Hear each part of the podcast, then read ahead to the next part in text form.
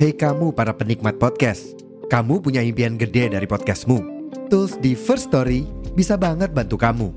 Mulai dari F-Link, Dynamic Audio Insertion, sampai statistik yang komprehensif, semua ada di First Story.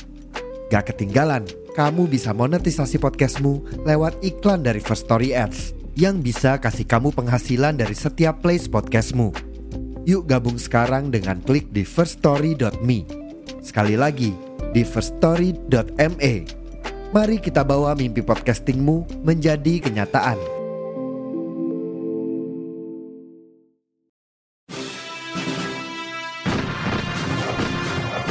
Saya berbicara di sini sebagai penyambung lidah rakyat Indonesia.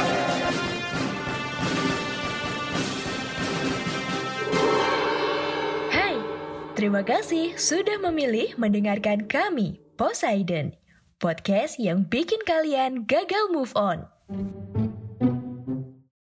Badut adalah pekerjaan yang sering kali dipandang sebelah mata.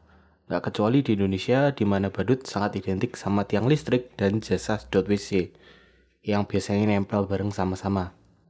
Parahnya, bahkan kata badut lebih sering berfungsi jadi kata yang merendahkan atau menghina. Sudah sangat jarang untuk menyebut pekerjaan. Tampilan yang meriah juga udah nggak dipandang sama. Bukannya lucu, sebagian orang justru melihat ini sebagai sumber ketakutan. Nasib badut sekarang udah berbeda jauh dari era kejayaannya dulu, di mana mereka bukan cuma diterima, tapi bahkan punya posisi di samping para raja. Halo dan selamat datang di konten paling random podcast dari Indonesia di luar kelas, tempatnya sedang tidak jelas bersama saya Eka Arkananta. Hampir di semua budaya dunia, peran yang setara sama badut atau penghibur yang fokus di komedi, ini tuh selalu ada. Di Jepang misalnya ada Taiko Mochi yang tugasnya adalah menghibur para daimyo atau penguasa daerah. Terus gak usah jauh-jauh, di Indonesia juga ada. Di kisah pewayangan Mahabharata ada tokoh Punokawan. Empat abdinya keluarga Pandawa yang gak cuma muncul untuk komedi tapi juga membawa berbagai nilai moral. Dan contoh yang terakhir adalah court jester. Badut-badut kerajaan era abad pertengahan Eropa yang jadi inspirasi terbesar budaya perbadutan modern sekarang. Apa yang kalian bayangkan tentang pekerjaan di abad pertengahan? Yang pertama muncul pasti Ksatria ya, karena memang di periode ini dikenal dengan peperangannya yang nggak selesai-selesai. Setelah itu baru kerjaan-kerjaan yang lain gitu, kayak petani, pandai besi, peternak babi, juru masak, pemecah batu, tukang kayu, dukun, tukang fitnah, pemabuk, dan lain-lain. Kalian pasti tidak membayangkan kalau jadi badut di periode ini, ini tuh punya peluang karir yang cukup menjanjikan ya. Apalagi buat mereka yang lahir dari keluarga kelas bawah. Di era ini, rata-rata pekerjaan memang diwariskan. Bapakmu tentara kerajaan, ya kamu bisa jadi tentara kerajaan. Keahlian pandai besi juga seringnya turun-temurun. Beda banget sama jester yang memang bisa datang dari mana aja. Pelayan bangsawan yang memang suka ngebanyol bisa dipromosiin jadi jester. Pertapa yang diusir dari biara bisa aja juga jadi jester. Pedagang sayur di pasar bisa aja tiba-tiba dipilih jadi jester. Selama bangsawannya suka, ya bisa aja kamu dipilih buat kerja untuk mereka. Terus apa sih syaratnya jadi jester? Tinggal modal lucu gitu doang? Alah gitu doang mah gampang ya. Jawabannya adalah tidak ya. Dan buat anda yang merasa lucu di tongkrongan dengan bermodal jokes di luar Naila nggak habis fikri, kalian pasti langsung dieksekusi ya kalau mau ngomong gitu di depan raja. Jester ini adalah pekerjaan yang repot dan penuh dengan berbagai resiko. Karena kalian kerja buat orang yang nggak cuma punya kemampuan tapi juga punya hak untuk ngebunuh kalian kalau kalian salah ngomong. Guyonan jester secara jenis dan penyampaian ini tuh mirip banget sama yang dipakai banyak komedian modern sekarang. Mereka mesti bisa menyampaikan sarkasme yang tidak menyinggung serta boleh ngerosting keluarga kerajaan, asal nggak berlebihan. Mereka juga mesti pintar impersonate atau menirukan biasanya kehidupan orang-orang miskin ya. Karena hal ini yang paling gampang bikin orang kaya ketawa biasanya. Selain di bidang komedi, Jester juga diharuskan untuk dapat menghibur semua orang secara general. Antara lain dengan harus pintar menyanyi atau bermain musik, membaca syair atau puisi, dan juggling berbagai benda. Mulai dari bola, tongkat kayu, sampai berbagai senjata tajam, kayak pisau atau kapak mengharuskan jester-jester ini tuh jadi entertainer yang serba bisa ya. Salah satu yang paling aneh adalah Roland the Farter atau uh, Roland Kentut ya kalau bahasa Indonesianya. yang melayani Raja Henry II dari Inggris pada abad ke-12. Sesuai namanya, keahlian utamanya adalah kemampuannya untuk memainkan musik melalui suara kentutnya. Gak tahu ya mungkin dia tiap kali mau perform harus makan kacang rebus dulu 3 kilo gitu. Tapi keahliannya ini sampai membuatnya dihadiahi sebuah manor ya, sebuah rumah mewah di atas tanah seluas sekitar 12 hektar di wilayah Suffolk, Inggris Timur. Cuma modal kentut bisa dapat rumah mewah. Gak cuma jadi entertainer, Jester juga sering kali jadi penyampai pesan buruk kepada raja.